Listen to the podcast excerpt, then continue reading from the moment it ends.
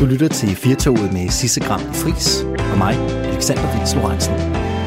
På en eftermiddag, hvor vi blandt andet taler lidt om øh, det der med at gå på arbejdet og arbejdslivet, Sisse. Ja. Hvad, og... hvad betyder det egentlig for dig, kære lytter? Hvad tænker du om det? Elsker du bare dit arbejde, eller er det bare en sur pligt, som skal gøres hver dag? Det vil vi gerne høre fra dig om. Du kan lige sende en sms til os på 1424 og skrive R4 mellemrum, og så dine tanker omkring dit arbejde. Og du må også gerne ringe ind, som vores øh, 82-årige lytter Elisabeth gjorde, øh, på 72 30 44 44. Og så synes jeg altså lige, at vi skal læse en sms op, som du har fået her, øh, lige inden vi gik på, på nyheder, Alexander. Jamen det er fordi, øh, nu når vi taler om arbejde i dag, så øh, faldt jeg i sidste uge over et øh, jobopslag hos øh, DSB, hvor de søger en forandringsagent, der skal arbejde sammen med firmaets innovationsrebel. Og øh, det har simpelthen gået og grublet over lige siden, og jeg har forsøgt at få, øh, få DSB i tale, øh, men, men det har så ikke været muligt øh, af den ene og den anden årsag. Og så tænker jeg, nu bliver vi nødt til at berøre det på en eller anden, anden måde, og hvilken anden dag end i dag, når vi taler om, om arbejde. Så jeg skrev faktisk en, øh, jeg har sad faktisk og skrev en jobansøgning i går til, øh, til den her øh, stilling, som jeg lige delte i radioen. Og nu kan jeg se, at øh, Mathias har sendt en sms til os. Han skriver, klasseansøgning. Den er spot on øh, på et job som konsulent i det offentlige. Hilsen en fastansat i det offentlige til en helt anden løn og hårdt ramt af konsulenter og projektledertyper. Og jeg vil sige, ja. der, der, der, kan, der kan være et eller andet om det der. Altså, nu har jeg selv arbejdet som øh, konsulent, og, og, og det er jo rigtigt nok. Altså, det, man, øh, man kommer jo ud i nogle virksomheder, og man lærer lidt om forretningsgangen. Ja. Men, men ens faglighed er jo mange gange den samme som dem, der, der sidder i, i selv samme afdeling. Nu har det været kommunikation lige for, for mit øh, vedkommende, og nogle gange kan man da godt sådan stå lidt og, og tænke, okay, jeg har mit, øh, jeg har mit PowerPoint-show med, ikke? Ja. Eller en præsi-præsentation hedder det vel i de her smarte tider. Og så står jeg ved et whiteboard, ikke? Man skal altid have et whiteboard. Klart. Det er ligesom om, at alle Og du har ting... sådan en laserpind, der ja, lige, det du lige kan highlight. Og det er sådan ligesom om, alting du kan lave på et whiteboard. Hvis du kan lave noget på et whiteboard, så bliver det bare en smule mere rigtigt. det er meget mere tjekket, det er meget mere forberedt. Jeg tror, du skal, når du, øh, når du ja. underviser i ja. Øh, impro-comedy fremover, tænk om du kan inddrage et whiteboard. Altså, hvis der sidder nogle lytter derude, der ved det mindste om impro-comedy, så sidder de og ryster på hovedet lige nu, Alexander. For det er krop det er krop og hjerte. Det har ingenting du, med tekster og tavler at gøre. Så må du simpelthen danse med det der whiteboard, i uh, stedet for, jeg ved, du underviser okay, for tiden. jeg overvejer det. Jeg overvejer det. Vi har uh, meget uh, på programmet her i den her time af Firtoget. Jeg kan lige prøve uh, at teste dig en ud, Sisse. Ja. Lad os sige, du går ned i banken og låner 50 millioner.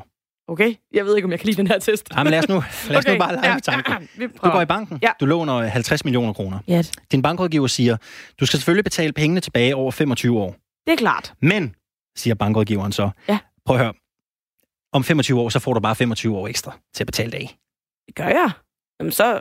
Øh, nå, hvad så, når de 25 år er gået? Så får du 25 år mere. Nå, så du, du, du siger egentlig bare til mig mellem linjerne... Du får 50 jeg millioner. Jeg, ikke behøver. Ja. Jeg får 50 ja. millioner. Hold da, tak for det. Og så lad os sige, Nej, at der, er, og så lad os sige, der er nogen, der øh, går ned i banken. Nogle ja. andre. Okay. Og, øh, og hæver stort set hele... Altså, der kommer en rigtig god kunde og hæver hele kassebeholdningen. Ja. Så der er ikke penge tilbage i banken så bliver de jo nødt til at gå ud og hente penge hjem igen. Ja, hvad så med mine? Ja, så skal du betale dem tilbage lige pludselig alligevel. Det var jo ikke så godt. Ja, for det havde du ikke rigtig regnet med. Nej, det havde jeg ikke. Og du har lidt fået noget andet at vide. Og jeg har brugt dem. Mm-hmm. Så lad os sige, at banken siger til dig, prøv at høre, Sisse, øh, du kan nøjes med at betale 42 millioner tilbage. Men så skal du også betale dem nu. Så streger vi de sidste 7 millioner. Altså, tror jeg lige, jeg vil sige, okay, jeg vil lige sige, jeg troede, aftalen var, at jeg ikke skulle betale dem tilbage. Ja, ja, men nu du får men, et tilbud, og det vil du sikkert sige. Ja, okay. Jeg får en discount ja. på, på 7 millioner. Lige netop. Du Fair betaler nok. tilbage. Jeg betaler tilbage. Og så får du at vide, at alle de andre, der også har fået et lån af banken, de skal ikke betale tilbage. Deres gæld bliver strøget. Det er ikke i orden. Nej, det er ikke rigtigt i orden. Jeg skal ikke straffes for at være den gode pige i klassen, der Nej. gør, hvad jeg bliver bedt om. Vi skal til Bornholm i den her time, Sisse, fordi det her er jo et øh, tænkt eksempel, og så alligevel ikke helt.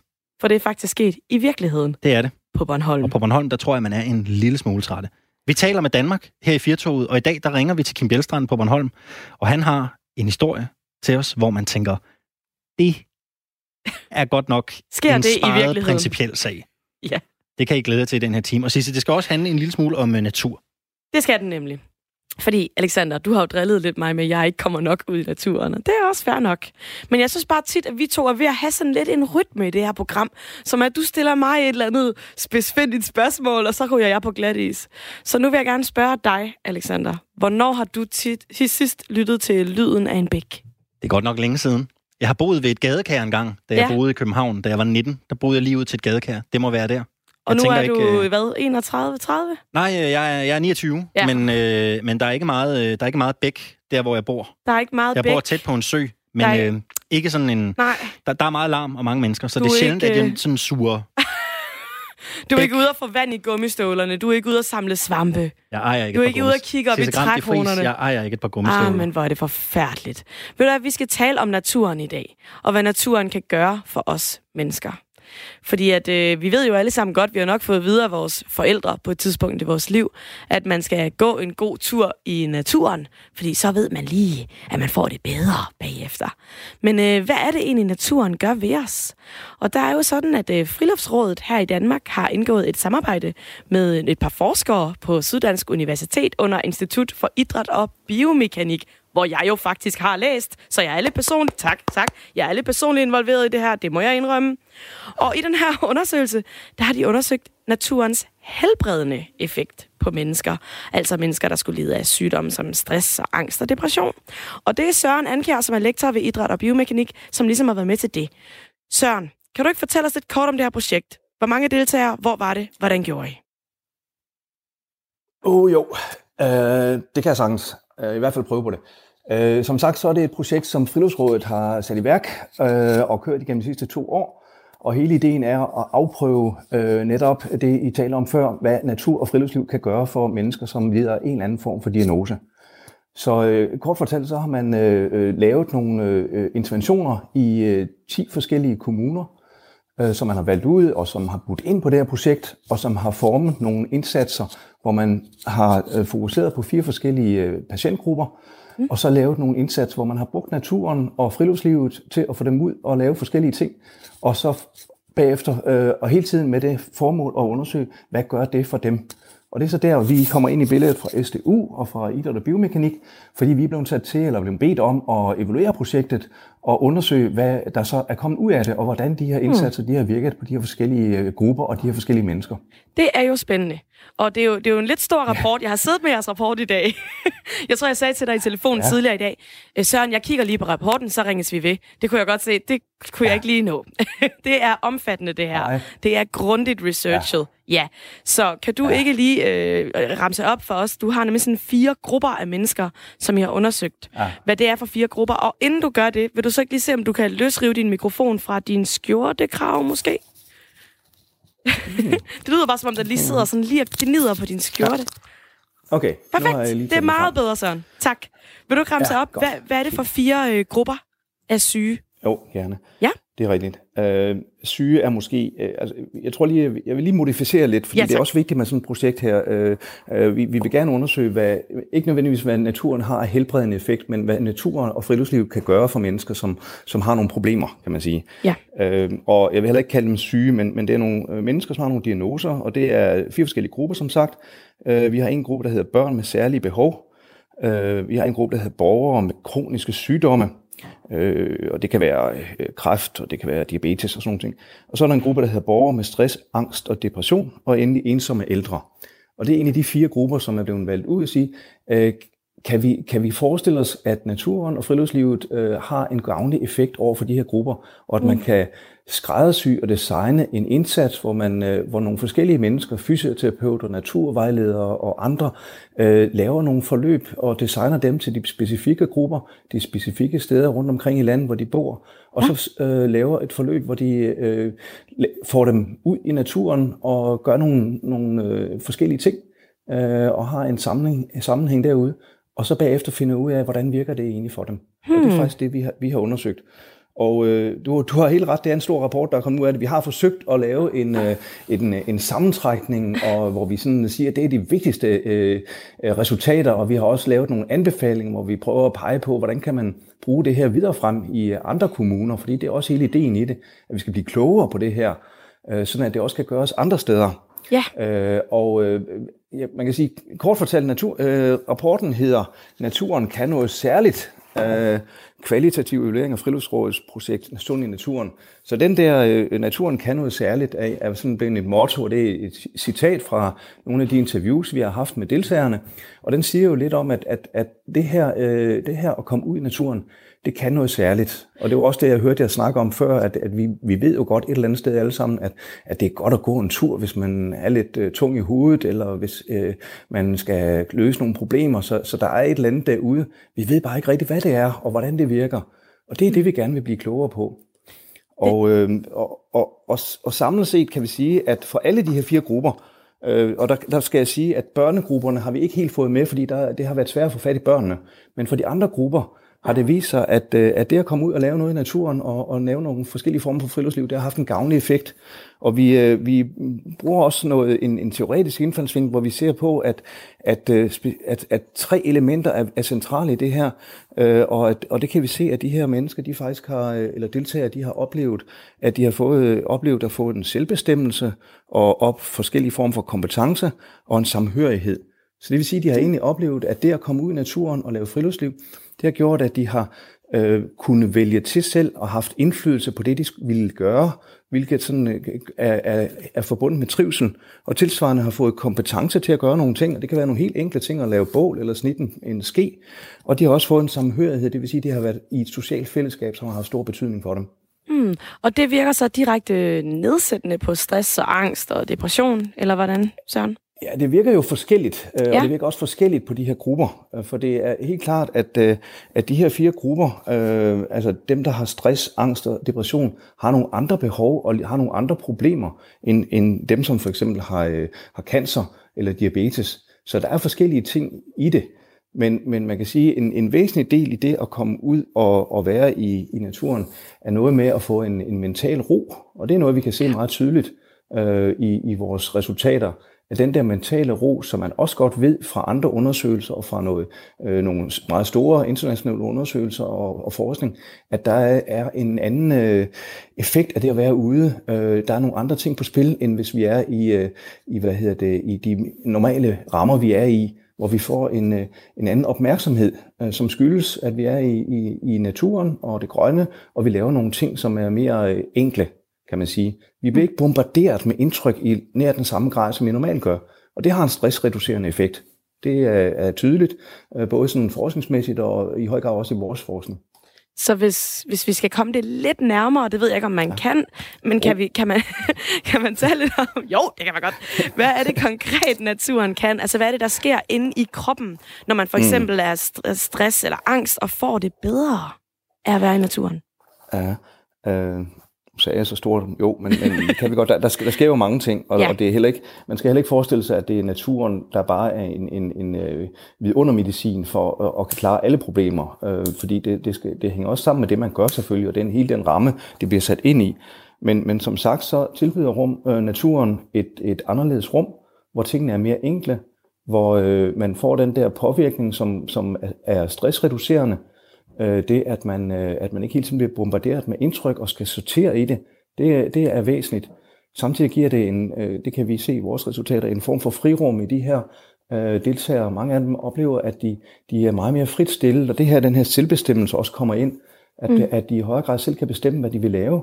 De er ikke tvunget. Der er ikke, der er ikke en hel masse krav, og det er også det, der man, man nogle gange taler om, at naturen er sådan et kravfrit rum, hvor man øh, lidt selv kan bestemme, og det betyder rigtig meget. Vi har, øh, bål betyder meget, vi samles omkring bål, og man kan gå lidt til og fra, så man bliver ikke nødvendigvis påtvunget nogle samtaler og nogle, nogle øh, aktiviteter, men man kan vælge lidt selv og, og gå lidt til og fra, og dermed får man også en ligeværdig øh, social relation, som er central i det. Og, og, og samtidig, du nævnte kroppen. Kroppen er også væsentlig i det her, fordi øh, specielt de grupper, som har lider af for eksempel diabetes og, og cancer, de vil ofte øh, øh, tiltrækkes og have brug for at bevæge sig og blive udfordret kropsligt og, og sanseligt. Så det er også en del af det, og det ligger også i naturen, når vi er ude, at vi har mulighed for det. Mm. Kan, man, kan man sige noget om, at den verden, vi ligesom lever i i dag, den er jo fyldt med skærme? Mm. Øh, ja, og jeg, jeg kan ikke lade være med at tænke, når jeg, da jeg sådan skimmede jeres rapport igennem her til formiddag, om det også er sådan noget, I har haft indenover og talt om, at, at mennesket har brug for en modpol til mm. hele tiden at være online, men også hele tiden at være tvunget ind i relationer med andre mennesker. Og man så er et mm. barn, der går i skole, eller et voksen menneske, der er på en arbejdsplads. Man er hele tiden tvunget ind i at være ja. noget for nogen. Ja. Øh, har, har I talt om det, Søren, eller spiller hele skærmproblematikken egentlig ind i de her tanker? Øh, det, den, den, den spiller ind som sådan en, en baggrundshistorie og en, ja. og en referenceramme, som, som bestemt har betydning. Det er ikke noget, vi har, vi har øh, undersøgt direkte, øh, og heller ikke øh, spurgt de her mennesker om, eller de her deltagere. Men, men det er klart, at det, det ligger i det, at man kommer ud i mere enkle omgivelser, hvor, hvor øh, hele den der teknologi, den ikke er der, og vi ikke hele tiden er påtvunget den, og vi ikke hele tiden skal være online, men man har nogle, nogle enklere øh, relationer og en, øh, en større selvbestemmelse til at, at gøre, hvad man vil, og, øh, og en større frihed, og, øh, og opmærksomheden øh, øh, kommer et andet sted hen. Så det betyder, spiller bestemt ind. Og det er jo i høj grad også en, en, en, øh, et forhold, som, som jeg, jeg tror er utrolig vigtigt, når vi taler om børn og natur, som vi, vi også laver nogle undersøgelser om, hvor, hvor børn de jo ofte bliver meget afhængige af skærm, og det øh, begrænser øh, deres, øh, deres frie bevægelighed ude i naturen, og deres lyst måske, og overskud til at komme ud i naturen. Ja, det er sjovt, du lige øh, nævner det, fordi jeg læste jo, grunden til, at jeg fandt jeres artikel, var jo på DR, skal jeg selvfølgelig huske at sige, hvor jeg også ser, at læge Peter øh, Kvartrup, ham tv-lægen, vi alle sammen kender og holder så meget af, mm. han, han skriver, at børn er halvt så meget i naturen i dag, sammenlignet med, da han var barn. Du ved, sådan syvset cirka. Ja. Og det tænker jeg bare, det er en meget, meget voldsom udvikling. Har du mm. et syvs på, hvad det kommer til at betyde for børnene og for deres fremtid? Ja, øh, det kan man godt lave nogle overvejelser over. Ja. Jeg skal lige sige, at øh, de, de der tal, ja. øh, som Peter Kortrup øh, Geisling han har, de, de stammer egentlig øh, de samme forskellige steder fra, men øh, Danmarks Naturfredningsforening har lavet en undersøgelse, der viser, at børn i dag kommer halvt så meget ud som deres bedsteforældre. Øh, og vi har i, øh, på øh, SDU lavet en undersøgelse, der hedder Nature Moves, hvor vi kommer frem til noget af det samme, også i forhold til, til børn i dag. Så der er relativt god øh, viden om, at børn i dag kommer mindre ud i naturen, end de gjorde tidligere. Øh, og det, øh, det er jo beklageligt, når man så samtidig kan holde det op imod en, en masse positive effekter, som vi kan se, og som vi også forskningsmæssigt ved, øh, kommer af at være i naturen, og i høj grad også øh, relateret til børn. Både det, det fysiske, det at kunne bevæge sig og udvikle motorik, og udvikle den i et, øh, i et miljø, som er mindre firkantet og mindre tilrettelagt og mindre styret, Øh, Øh, og samtidig de, øh, de mentale effekter af at komme ud og blive udfordret, øh, dels for den ro, men også at kunne øh, udfordre sig selv i nogle, øh, nogle anderledes miljøer, og den sociale del af det at være ude. Så der er mange positive effekter ved at komme ud, øh, i høj grad også for børn.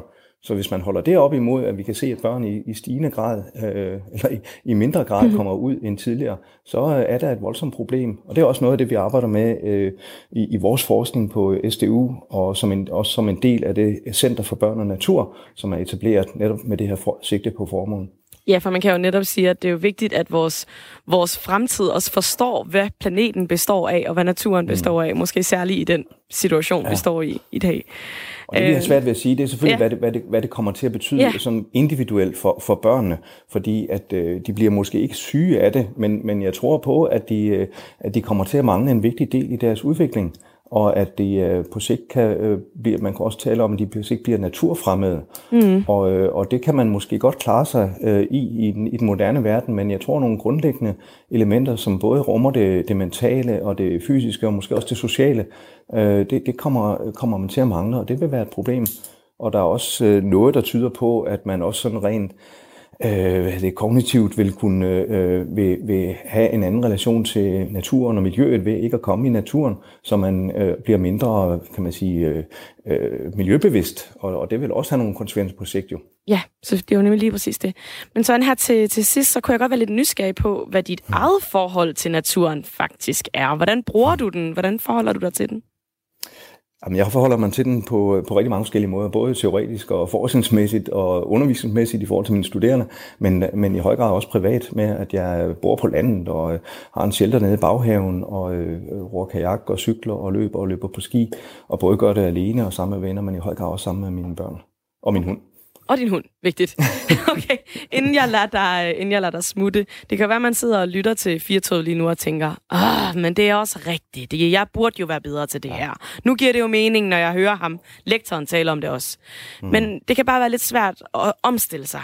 Kan du give et tip til, hvordan får man startet med det her i de små? Det er jo ikke sikkert, at alle lige kan tage på, du ved, skovvandring ved første, første nej, forsøg. Nej, nej. hvordan får Jamen, man startet det, det her?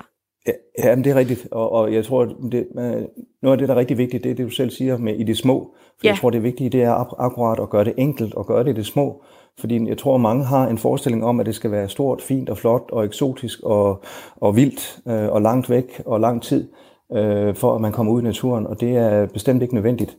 Jeg tror, det handler rigtig, rigtig meget om at finde de nære områder og gøre de enkle ting, og så lave et øh, projekt ud af det. Øh, lave en vandretur og, og øh, tage madpakken med. Øh, lave et bål, hvis man må det, og hvis man kan finde ud af at og, og lave bål og stege nogle pølser. Og, øh, og så gradvist bygge mere og mere op. Der findes et begreb, der hedder micro-adventures, som, øh, som handler egentlig om at lave nogle små eventyr ud i hverdagen, som ikke behøver at rumme de helt store øh, udfordringer, men gradvist kan blive til mere. Og det tror jeg, det er vigtigt at starte. Og hvis man taler om at gøre det med børn, så skal der faktisk forbavsende lidt til, før det bliver rigtig spændende. Ja, det kunne jeg godt forestille mig. Tak for det, Søren. Det er her med givet videre til alle vores lyttere, og tak fordi du vil være med. Det var altså Søren Ankær, som er lektor ved Institut for Idræt og Biomekanik ved Syddansk Universitet. Og så kan vi sige god eftermiddag og velkommen til dig, Michael. Ja, hej. Du øh, kunne simpelthen ikke lade være med at ringe ind, da vi begyndte at tale om øh, natur. Hvad, Nej. Lad os høre en gang allerførst. Hvor ringer du fra i Danmark? Jeg er fra Odense. Fra Odense. Vi har været, øh, hold ja. op, vi har været på Fyn i dag, skal jeg lige love for. Ja, og jeg har også talt med Elisabeth. Ja, det har vi. Du kender ja, hende. Du og... kender hende måske. Ja, og, og, og, og, og, prøver, ja, lidt, hun, hun har bare ikke tid til at, at tage mig ind. Altså. Nej. Nej, det er også ærgerligt. Jeg sad da også eller, helt eller, eller, eller, eller nogen af jer andre. Altså, for Nej, det er det. Det kan være, ja. vi venter. Hun, har, øh, hun siger, hun vil blive i faget 8 år endnu. Det kan være, der bliver en ja. åbning i kundekartoteket. Man ved aldrig. Ja, man må, hun, hun bliver over 100 hende der. Det, det, det, det, det hun, er en, det hun er en frisk kvinde. Nej, øh, jeg, jeg, jeg bruger naturen rigtig meget. Jeg er, jeg er musiker øh, og komposier og tekstforfatter. Øh, jeg har postet med stress, fordi jeg, har, jeg er veteran.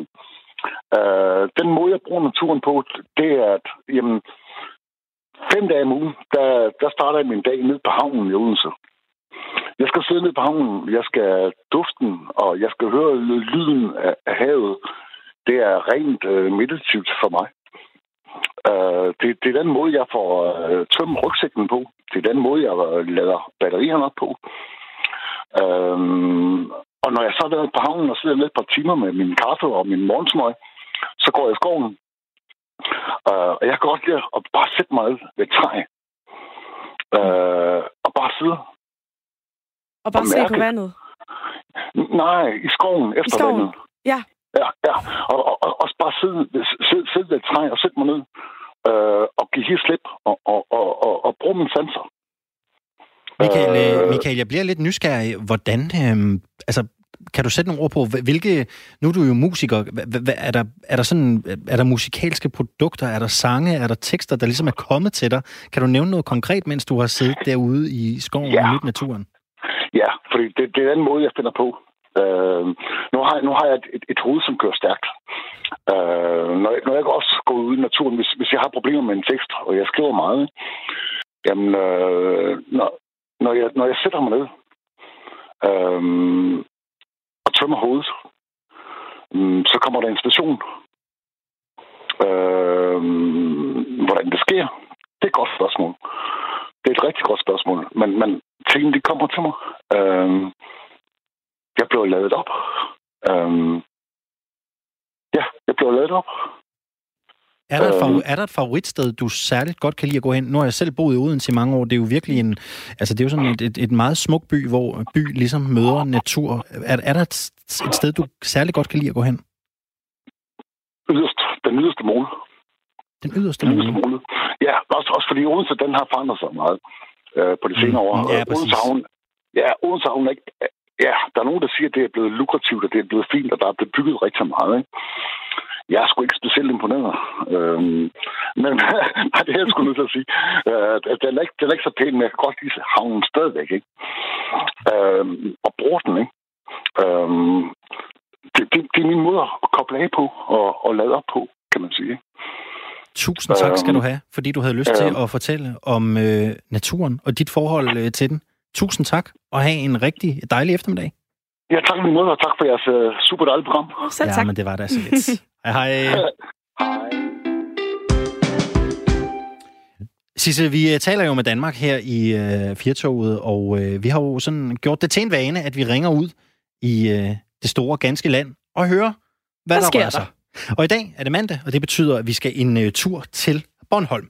Fordi og nu skal man holde godt fast. Nu skal man spidse Nu skal man spidse en smule øre. Ja. Den daværende og Kirkeby Kommune, Som nu der, ikke hedder Okirkeby Kommune. Det er jo blevet en, en regionskommune. Bornholm ja. er jo efter kommunesammenlægningen blevet en regionskommune. Ja. Men Okirkeby Kommune lånte i 1998 50 millioner kroner fra Arbejdsmarkedets Feriefond, der har været med til at finansiere Naturmuseet Natur Bornholm i Okirkeby. Arbejdsmarkedets øh, Feriefond har tildelt lånet til Okirkeby øh, Kommune på særdeles, kan man vist godt sige, favorable vilkår. Det må man sige. Kommunen har fået at vide, at lånet skal betales tilbage inden for 25 år.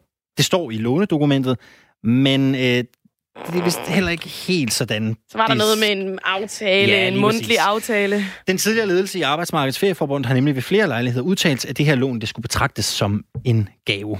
Traditionelt så har Arbejdsmarkedets Feriefond haft sund økonomi, og derfor har man kunne lave de her lån, men i forbindelse med finansloven for 2014, der går politikerne ind og hæver 280 millioner på Feriefondens konto. Så må alle, der har lånt penge, betale dem tilbage. Bornholms Regionskommune får at vide, at de kan spare 7,5 millioner, hvis de betaler pengene tilbage hurtigt, og de bliver betalt i 2017. Og så skulle man jo tro, at alle var glade, ja. gælden betalt, og kommunen har endda fået rabat. Men sådan er det altså ikke helt. God eftermiddag, Kim Bjelstrand. God eftermiddag. Du er ansvarshavende chefredaktør på øh, Rundt om Bornholm, og så er du også en god ven her af programmet.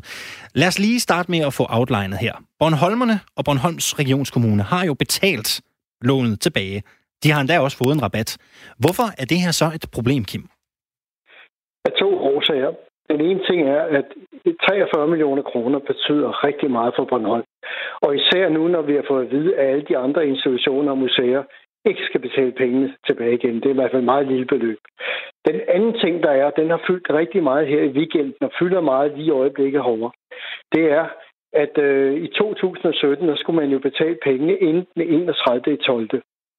Og allerede i november og december, der bliver kammeradvokat, øh, kontakter kammeradvokaten jo i kommunen og fortæller, at der er nogle tekniske ting, der skal undersøges omkring hele det her.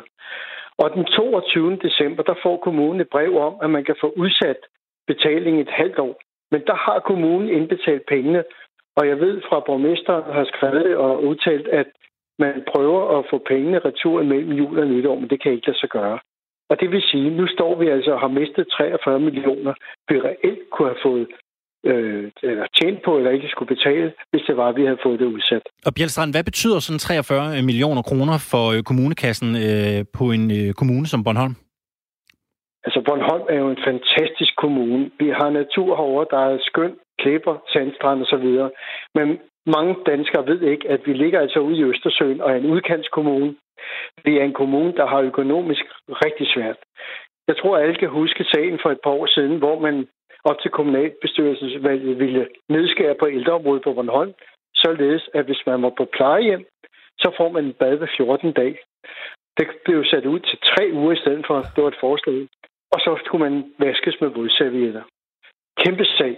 Det viser bare lidt om, hvor meget velfærden er presset herover, hvor lidt økonomi vi har. Hvor ser man det stadig? Hvor ser man det særligt på Bornholm, at, at økonomien er presset? Nu nævnte du det her, der var en sag til, til kommunalvalget. Det er rigtigt, det var jo en, det var op at vende til, til KV17. Men hvor i dag ser man særligt, at, at økonomien har trangkår i Bornholms Regionskommune? Blandt andet på skoleområdet. Øh, Bornholm er det sted i Danmark, hvor der er færrest, der går i folkeskolen. De vælger folkeskolen fra, fordi der er store problemer herovre. En tredjedel af alle elever går cirka i privatskole. Man nedlægger skoler, senest Svanike, og så opstår der en privatskole, og der er masser af folk, der søger derhen. Men Kim Bjelstrand, øh, der, altså, der er jo noget, der er noget, man ikke forstår som, som helt almindelige øh, lytter ser, når man, når, man, når man undersøger den her sag. Altså, der står jo i det lånedokument, at det er et lån, det skal betales tilbage over 25 år. Altså, det vil det er der vel ikke rigtig noget at sige til. Altså et lån er et lån, det står i et dokument. Ja, så har der været nogle mundtlige aftaler her og der, og der er blevet sagt, at det skal betragtes som en gave. Men det er vel det skrevne ord, der, der binder. Jeg er jo helt enig. Og øh, det store problem herovre på Bornholm, det er jo, at vi ikke har en presse, der rigtig har udfordret det her og undersøgt det her. Altså for det første som politiker, en ting er at få ting at vide øh, mundtligt, men hvis man ikke får det ned på en kontrakt, det undrer mig rigtig meget. Det er jo embedsfolk, og det er politikere. Øh, den anden ting, det er som sagt, at pressen herovre ikke har undersøgt og sat det her i relief. Men der skal man bare lige vide, Bornholm er en lille ø alle kender alle. Vi har ikke en kommune ved siden af, vi bare lige kan snakke med nogen. Alle folk, der er små loger, der kender hinanden og styrer tingene over. Og journalisterne tør ikke rigtig udfordre øh, vores politikere, for de næste dag, der skal de altså lige pludselig søge med deres forening om noget støtte og så videre, og så får de ikke de penge. Men lad os lige, øh, nu, øh, nu, øh, nu kan vi sige, nu serverer du lige en, en side til journalisterne her. De kan jo ikke forsvare sig i det her program, så, så lad, os lige, lad os lige drible videre for den. Kim, nu ved jeg jo, at borgmester Vinnie Gråsbøl har været til møde med, med Peter Hummelgaard, den ansvarlige minister på området. Hvad, hvad, er der, hvad er der kommet ud af, af det møde? For man har jo arbejdet på at få de her penge tilbage til, til Bornholm. Hvad, hvad er der sket der? Indtil nu ikke noget. Uh, Peter Hummelgaard har jo sagt, at han forstår frustrationen over og så videre, men man kan ikke lave loven om med tilbagevirkende kraft. Underforstået, at når man har betalt penge, inden det blev uh, skrevet, at man kunne få forlænget, så kan man ikke få penge. Man arbejder stadigvæk fra kommunens side på at få det ændret, og man må håbe på, at det sker selvfølgelig, men lige nu ser det ikke ud til, at det bliver ændret. Og hvor, altså, hvor meget fylder det her på, på Bornholm? Er det her noget, man går og taler om nede ved øh, køledisken i Superbrusen? Altså, hvad, hvad, hvor stor en sag er det her? Ja, det må jeg sige, det er det. Øh, som sagt, så i weekenden her var der rigtig meget op at vende, fordi der kom nogle øh, ting fra, fra regeringen af. Men øh, Blandt andet så viste TV2 Bornholm i går en masse udsendelser om de har noget, der hedder Perspektiv, hvor netop hele sagen blev belyst, og det har været i pressen, og det har været ude generelt. Og når man snakker med folk her i weekenden, så var det altså 43 millioner på Bornholm. Det er mange penge. Hvad, øh, fordi det, øh, det er jo ikke kun Natur øh, Bornholm og Kirkeby øh, Kommune, der har øh, lånt penge fra Arbejdsmarkedets Feriefond. Bornholms Middelaldercenter har også lånt øh, et lidt mindre millionbeløb, 6,5 million eller noget i, i, i den stil. Hvad er status på det, Kim? Skal de betale penge tilbage også, eller er det, øh, er det, øh, går de fri? Ja, så vidt jeg har forstået, så går de fri. Det kan godt være, at det bliver et lille beløb, men som udgangspunkt, så er det næsten ingen penge, der skal betales tilbage der. Så de har sluppet. De er med i hovedparten af alle de museer og institutioner, der slipper for at betale penge. Men hvad siger øh, borgeren? Fordi nu er det jo, som sagt, nu har borgmesteren øh, været på jagt efter at få de her penge retur i, i kommunekassen. Hvad er sådan folkestemningen på Bornholm, øh, Kim? Hvad, hvad, siger, hvad siger borgerne til det her? Hvad, hvad mener de, der bør gøres, hvis de har en holdning til det? Altså, borgerne forstår jo ikke, at vi skal betale pengene. De mener, at det er regeringen her, der, der fejler, at nogen får lov til at slippe langt de fleste af dem, men at Bornholm og nogle andre, blandt andet Randers Regnskov, de skal betale penge igen. Det forstår borgerne ikke herover. Nu øh, har vi jo også, når vi har øh, vores lytter igennem, øh, så taler vi jo om en øh, konkret sag, men øh, vi skal jo også her til sidst lige øh, brede brillerne en lille smule ud. Den her sag, den, øh, den står, stor, øh, kan jeg forstå på dig. Øh, det er også noget, man har beskæftiget sig med i de lokale medier, og nu har man så senest sendt den her øh, udsendelse, der belyser hele sagen. Kim, hvis vi kigger ud over den her sag, hvad snakker man ellers om på Bornholm lige nu? Hvad er det, der rører sig? Ja, men der er flere ting. Altså, en af de ting, gode, positive ting, det er, at Bornholm er blevet mere åben om vinteren. Øh, vi har jo fået Molslinjen her for et års tid, eller godt et års tid siden, der overtog færgetrafikken. Og vi har nogle af de billigste billetter, eller de er simpelthen de billigste billetter til Bornholm nogensinde. 99 kroner med en bil og fem personer retur fra Østad, og det betyder, at vi har fået mange flere turister, og der er mange flere, der kommer her i vinterperioden også. Okay. Kim Bjelstrand, tusind tak øh, skal du have, fordi øh, du havde lyst til endnu en gang at øh, belyse, hvad der sker på Bornholm. Vi vender, vi vender frygteligt tilbage, som man siger, og kan du have en rigtig god eftermiddag. I lige måde. Hej. Og øh, som sagt, Tisse, vi har jo gang i, at vi øh, ringer rundt, øh, vi ringer ud i øh, Danmark øh, her øh, i øh, Firtoget om eftermiddagen.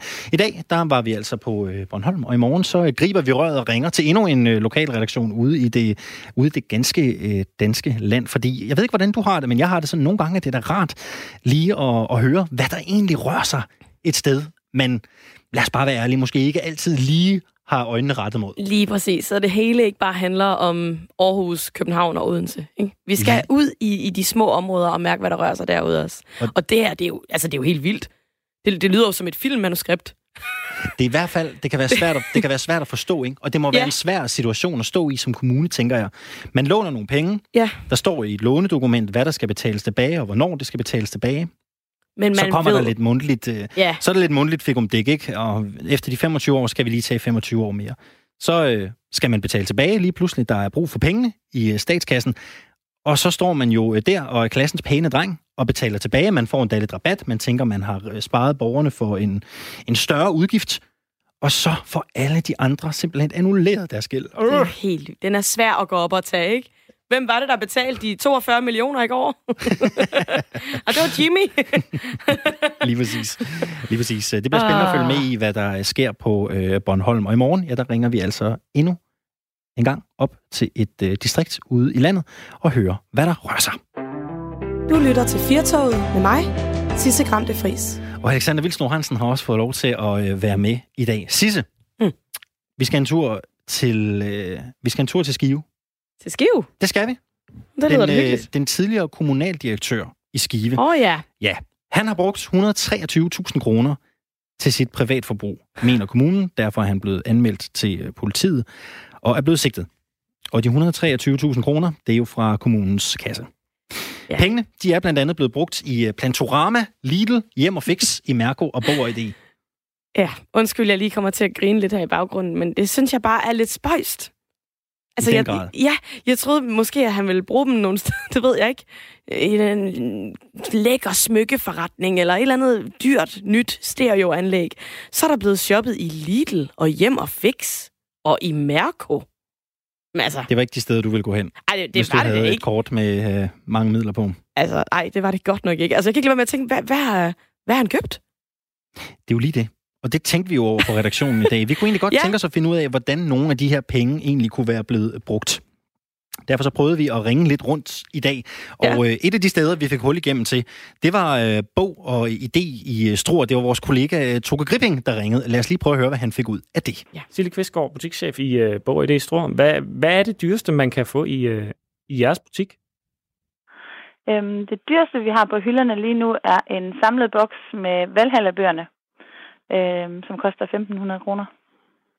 Og det, og det er valghallerbøgerne, dem som, som folk kender med, med Tjalfa, Ryskvær og, og Kvark, eller hvad? Ja, ja, det er det. Er det, er det den, den dyreste vare, man har kunne købe i, i jeres butik, skal vi sige, det sidste halve eller hele år? Øh, nej, det er det ikke. Vi har haft en øh, bog om europæiske svampe, som var dyrere. Jeg mener, den kostede 2500, men jeg er ikke helt sikker. Jeg er ikke helt sikker på okay. prisen.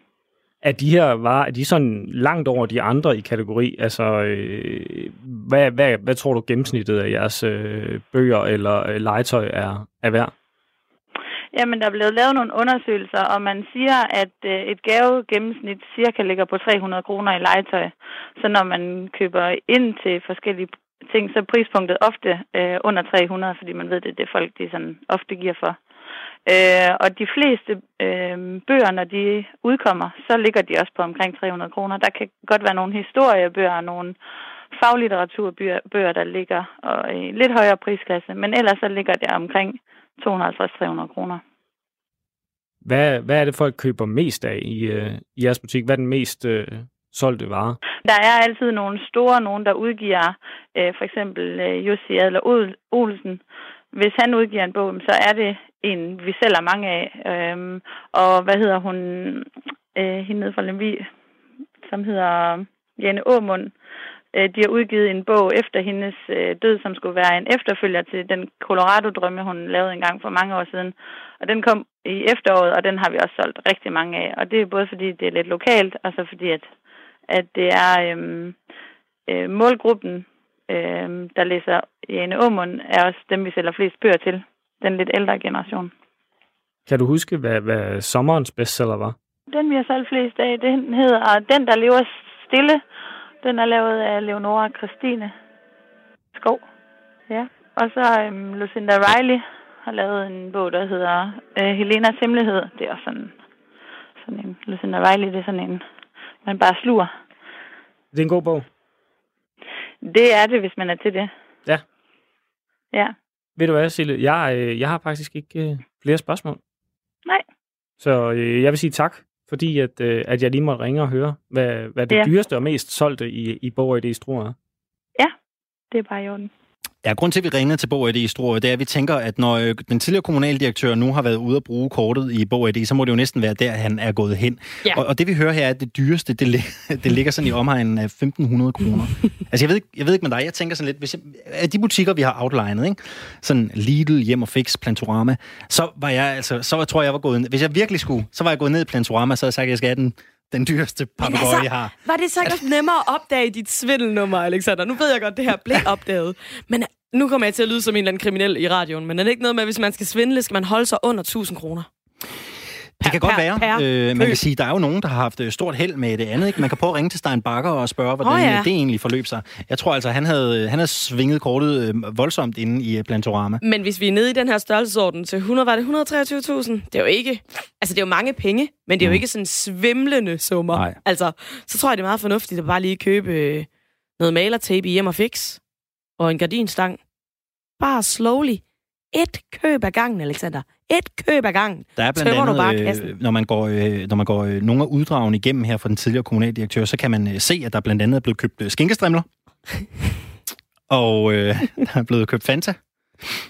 En flaske Dr. Nielsen. Bitter. Hvis du kender okay. den. Okay. Ja. ja. De kan da godt løbe op i en... Ja, det koster 89,95. 100, ja. Den ja. koster lige akkurat 89,95. En lille 100 Og 30 guldbejer. Det er noget af det, der er sådan ligesom... Det har altså været en god fest. Frem. Det tænker jeg. Helle for, helle for skinkestrimlerne. Vi taler om øh, arbejdsmarkedet i dag, Sisse, og mere præcis taler vi om øh, danskernes forhold til det at øh, gå på arbejde. Ja, så hvis du sidder derude og lytter med, jamen, så vil vi stadig gerne høre fra dig. Hvad er dit forhold egentlig til det? Det er jo trods alt det, vi bruger de fleste af vores vågne timer på, så jeg er ret sikker på, at der er mange derude, der har en mening om det. Jeg har i hvert fald en mening om det, som jeg gerne vil øh, starte med, Alexander. Fordi at øh, jeg har jo arbejdet fem år i Legoland, da jeg var da jeg var ung. Åh, oh, jeg elsker Legoland. Det er sådan et fantastisk sted. Og jeg kan oh, bare huske... Jeg havde lyst til at stjæle alle de der figurer, når man var i Legoland. Selvfølgelig havde ja. du det, men vi limer dem jo sammen med Superlille, så dine små børnefingre ikke kan knække dem af. Det gør jeg simpelthen. Ja, ja, den har, jo, jo, det okay. gør man, det gør man, det gør man. Hvad med de der skibe, der sejler ned i vandet? Jamen, gør man de, med de dem? er på sådan nogle øh, jernskinner, så du kan ikke hive dem af. Altså, ah. de, de ah. sidder fast. Nå, Men alligevel var det faktisk sådan, at hvert år til Legolands årsfest, så vidste man bare, at øh, Olsenbanden var blevet stjålet. Og det var fordi, det var simpelthen en tradition. Den skulle de ansatte stjæle. Så de begyndte bare at producere dem, fordi så kunne de ansatte bare tage dem, og så kunne man bare sætte en ny ind ud. Så var det i hvert fald, da jeg var der. Hvad var det så? Bilen eller, fik, eller, eller altså de medvirkende? Selve, hvad var det, man... selve de tre øh, skurke, Egon, Benny og Kjeld, rak, dak, dak. De blev lige snuppet ud fra minibyen, du. Så, så har du et par af dem stående derinde? Det kan jeg ikke udtale mig om, Alexander. Har du det? Det kan jeg ikke. Det har du taget jeg, dem? Det kan jeg ikke udtale mig om. Nej, kom nu. De jeg kan ikke sidde her og kriminalisere mig selv på radio. Det kan jeg simpelthen ikke. Okay, det var svar nok. Jeg, jeg tror ikke, jeg vil sige mere okay. øh, om den her sag. Du skal faktisk. fortælle om jobbet. Det var Men jeg skal fortælle om jobbet, ikke, fordi jeg kan huske, at jeg var sådan lidt modvillig. Øh, fordi jeg fik jo ikke lov at være Lego-prinsessen, vel? Som var det, jeg allerhelst ville være. Jeg blev ansat nede i Extreme Burgers. hvor jeg hvor jeg stod og lavede burger med sådan to ketchup-kanoner. Altså, jeg var virkelig hurtig til det, vil ja. jeg bare lige sige. Ikke? Det var sådan lidt McDonald's, men bare på et meget mere sådan luksuriøst niveau, ja, ja, vil jeg sige. Ja, ja. Og til en anden pris, naturligvis. Og til, det var meget, meget, meget, meget dyrt. Det var ja. faktisk øh, sådan, at man vil helst ikke stå ved kassen, for man synes, det var sådan lidt pinligt, når en familie på fire skulle af med 650 kroner i mm. junkfood øh, bar. Men min pointe var, det var så hårdt arbejde. Det var sved, det var skure og skrubbe grillen, når man fik fri. Og det var næsten mobning af nyansatte, du ved. Det var sådan, når der kom en ny, så skulle man sende vedkommende op i, i Texas-byen efter en røgvinder, og så, kunne, så ringede man op til Texas-byen. Okay, der kommer en praktikant, der hedder Kenneth, og henter en røgvinder. Skal jeg lave et eller andet? Så tog de en opvaskebørste og klistrede et eller andet på sammen med en toiletbørste og skrev noget på noget pap, og så var det en røgvinder, som man blev sendt tilbage med. Så det var virkelig en arbejdsplads fuld af gag og løjer og virkelig, virkelig hårdt arbejde, og en timeløn på 110 i timen, tror jeg, hvis man var over 18. Og det er det bedste job, jeg nogensinde har haft. Og det er sjovt, og sådan er det nogle gange, ikke? Altså det er det der med, jeg synes også, at hvis man skal fremhæve noget, der har været godt ved ens arbejde, så er det der, hvor det kollegiale fællesskab har været sjovest, ikke? Det er det, det, det, der kan et eller andet. Præcis. Jeg synes også, det var sådan med de der, jeg synes også, det var sådan med alle de der studenter, øh, studenterstillinger, jeg har haft igennem tiden, at de, øh, de kan bare et eller andet, alle de der øh, studenterjobs. Da jeg var ansat på universitetet, der havde jeg alle mulige praktiske opgaver. Nogle gange så skulle man kopiere, og andre gange så skulle man stå og være lidt praktisk gris, når øh, forelæserne på instituttet de holdt forelæsninger. Men det kunne bare et eller andet, fordi man ligesom var en del af det der fællesskab, og man ligesom så sine, sine venner hele tiden, ikke? også uden for øh, forelæsningssalen. Og man jeg bare synes så... bare, det kunne noget. Ja, og man vidste bare præcis, hvad der foregik i de andre menneskers liv hele tiden. Og sådan, hey, hvordan gik det i går med ham der Kenneth? Om det gik mm. helt vildt dårligt. Hvorfor? Sådan, man var bare i de der små detaljer med hinanden. Og så bliver man voksen, og så kommer man ud og får et, et rigtigt arbejde, og så er det nogle helt andre ting, det handler om. Fuldstændig. Det er forfærdeligt. Men det er måske også der, at det sker, at identitet og arbejde ligesom smelter lidt sammen, tænker jeg nogle gange. Ja, det må man sige. Og det, det gjorde det jo ikke på samme måde, da man var teenager. Mm, præcis. Vi øh, vil rigtig gerne høre, hvad øh, du øh, lægger i øh, dit arbejdsliv derude. Hvad øh, betyder noget for dig, når du går på øh, arbejdet? Hvor stor en del af dit, øh, hvor stor en del af din identitet er dit øh, arbejde. Du er øh, meget velkommen til at øh, ringe ind her i øh, studiet til os på 72 30 44 44, 72 30 44 44. Ellers er du også velkommen til at sende os øh, en sms, og det øh, gør du ved at øh, skrive R4 komme med et øh, mellemrum, og øh, så sender du altså det hele sted til 1424, altså 1424, og så glæder vi os øh, til at øh, tage imod herinde i øh, studiet. Og Carsten, han har faktisk øh, sendt en øh, sms til os, den er lige øh, dryppet ind her. Han skriver, arbejdet er øh, særlig godt i forhold til kollegaerne, men øh, chefer, fuck dem, de rager sig til høje lønninger og bil. Vi andre, ingenting, vi øh, skal holde igen. Og det håber jeg da ikke, er sådan, det fungerer på alle arbejdspladser. Det ville det da være heller virkelig, virkelig uh, trist. Men hvis det er sådan, det er på din arbejdsplads, så får du et uh, stort skulderklap for os her på Men jeg, jeg kan godt følge dig, Carsten, i, når du siger, at det handler om kollegaerne. For sådan har jeg det altså også. Alexander, jeg glæder mig da også til at møde ind her, fordi jeg synes, du er en rar fyr. Oh. Ja, nu, nu sagde jeg det. Det synes jeg. 4 Lyt med alle hverdage fra kl. 15 her på Radio 4. Ude i det øh, store udland, der bliver der høstet priser her øh, for tiden, øh, Sisse.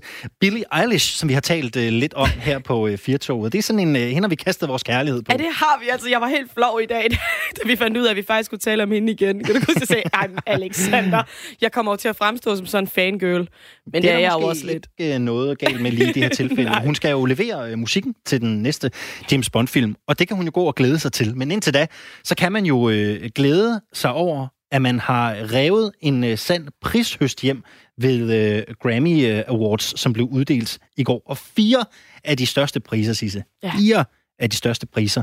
Dem endte Billie Eilish med at tage med hjem til kaminhylden, eller hvor i alverden det nu er, hun vælger at stille altså, den. Jeg synes lige, det skal siges, at Billy, jeg er jo på fornavn med Billy. Naturligvis. Ja, uh, Billy er jo kun 18 år gammel, så jeg tænker ikke, hun har en kaminhylde.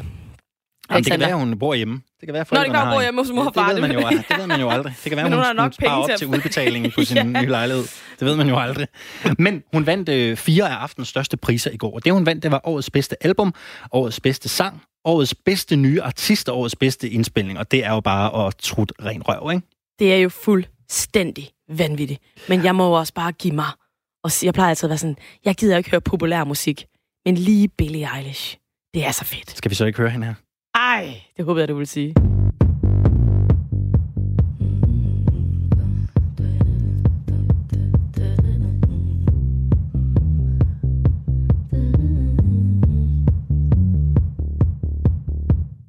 White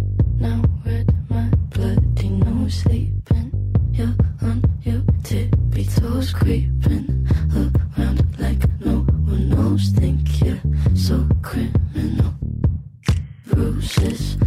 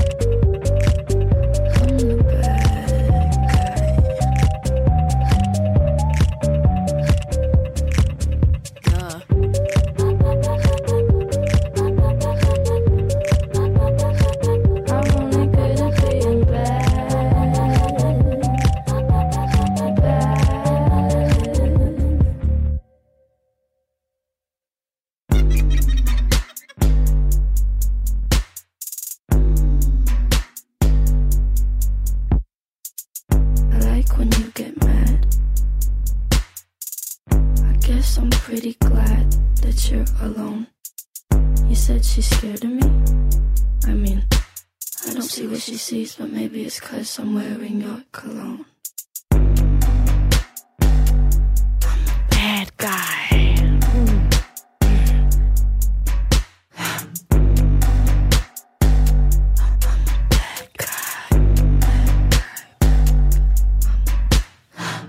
Ja, vi blev lige nødt til at slå en lille smule øh, på tromme. Den er da så god, Alexander. Super flot. Man bliver helt ondt i sulet af at høre Super den. flot i en alder af 18 år og høste alle øh, de øh, priser. Så kan vi sige god eftermiddag og velkommen til André. Goddag, goddag. Hvor ringer vi øh, fra i landet? Vi er fra København. Fantastisk, André. Du har ringet ind, fordi du har en øh, anekdote i forbindelse med arbejdsliv, som vi jo taler om øh, i dag. Og du har haft et, øh, et ungdomsjob, kan jeg forstå, på et lager. Ja, det kan man sige. Øhm, og det var, det var i forbindelse med det her, det hun sagde omkring øh, sit job i Legoland. Mm. Øh, og det der med, at man stræber, altså i hvert fald de unge mennesker i dag, de stræber efter at få nogle store lederstillinger og virkelig komme til tops i alle former for, for erhverv. Øhm, og jeg er selv en af dem, kan man sige. Jeg har en, en lederstilling i dag. Men jeg tænker tilbage på mit, mit ungdomsjob på det her lager, hvor lønnen i øvrigt var skøjet, og det var tungt arbejde, og, og fra 8 til 4. Og, men, men det var simpelthen på grund af kollegaerne og på grund af atmosfæren, at det simpelthen til dagen har været det, det, det, det bedste arbejde, jeg har haft. Jamen, det er jo så fantastisk, André. Jeg kan totalt kende det der. Vil du ikke lige sige lidt ja. om, hvilke arbejdsopgaver havde du? Jamen, altså, i og med, at man var 16 år, så var det jo begrænset, kan man sige, hvor meget ansvar man egentlig fik, øh, fik over på sine skuldre. Øh, og, og, men, men det var øh, lagerarbejde, altså øh, pakke varer ud og lægge på plads, og plukke varer og pakke og sende ud af døren. Og, så, så det var bare sådan noget, altså, det var ikke, det var ikke så, det var ikke så, hvad kan man sige, kompetenceudfordrende, men, men, øh, men det var da, det var fedt. Det øh, kan jeg virkelig ikke genkende til. Det er virkelig dejligt, at du lige ringer ind og giver dit besøg med, Andrea. Man kan hurtigt blive, ja. øh, blive voksen, synes jeg, og få en vigtig stilling, Meget. og så er det slet ikke lige så sjovt, som det var dengang. Nej, det er det. Ja, så jeg fik, øh, jeg fik en mellemlederstilling som 22-årig. Ja, okay. Så var du øh, tidlig fra start. Ja, der blev ligesom ja. kastet lidt for, for hundene der, ikke? det kan jeg sagtens se. Tak, så, fordi så. du ringede ind, Andrea. Du må have en rigtig ja, god aften. Det var, ja, lige måde. Og tusind Hej. tak øh, for alle de opkald, vi har fået i dag, og også sms'erne. Ej, at forglemme, det har været øh, fantastisk at høre øh, lidt om, hvad man egentlig lægger i sit, i sit arbejde. Firtoget er ved at være slut for øh, i dag. Vi har været vidt omkring. Vi har øh, blandt andet øh, talt øh, med Kim Bjelstrand på øh, Bornholm om et lån, der blev betalt tilbage, som man måske ikke skulle have betalt tilbage. Og ikke bare hvilket som helst lån. Et lån på 42,5 millioner kroner. Det er ikke så let, og det er ret sjældent, man kan sige den sætning, du lige sagde, Alexander. Ja, et lån plejer jo som regel... tilbage, ja. som ikke skulle være betalt tilbage. Ja, lige netop. meget, meget et, et, var det et lån, var så det en gave? Så er der der starter. var det et lån, eller var det en gave? Det, øh, det kæmper man lidt med at finde ud af. Men ja. Kim, han øh, tegnede og fortalte om, hvad der øh, skete på Bornholm. Vi har også været en tur i naturen, Sisse, og det kunne jo være, at man skulle overveje at gøre det, hvis man går og ikke har det så godt. Altså ja, øh, jeg har det egentlig ok for tiden, men jeg går der og tænker, at jeg skal meget mere ud i naturen. Nu skal jeg til Skyby om lidt, så tror jeg faktisk lige, at jeg vil gå ud i skovområderne derude og lige snuse godt ind øh, gennem næseborene. Det lyder som en oplagt idé, og grund til, at vi talte om det her, det er jo fordi et øh, forskningsprojekt på Syddansk Universitet ved Institut for Idræt og Biomekanik slår fast, at øh, naturen har en helbredende effekt og kan noget, som øh, medicinen ikke helt kan. Vi har fået sagt øh, farvel til øh, Kobe Bryant, også den store basketballstjerne fra LA Lakers, som øh, altså desværre omkom i går i et øh, tragisk helikopterstyrt, blandt andet sammen med sin 13-årige datter. Ingen af de ni, der var ude og øh, flyve, overlevede. Og øh, vi talte med øh, både en øh, kommentator fra TV2, som jo øh, har et øh, indgående kendskab til Kobe Bryant, og kunne tegne og fortælle, hvad han egentlig har gjort for basketballen, og hvad han har gjort for LA Lakers. Og vi havde også besøg af en spiller fra Bakken Bears her i Aarhus, som jo i den grad yeah. har været inspireret af Kobe Bryant. Der er ikke så meget andet at sige for i dag, andet end øh, du altid kan høre Firtoget på Radio 4-appen, ellers så kan du høre os på øh, radio4.dk. Gå ind og find, under, øh, gå ind og find os under Firtoget. Programmet er produceret af Metronome Productions for Radio 4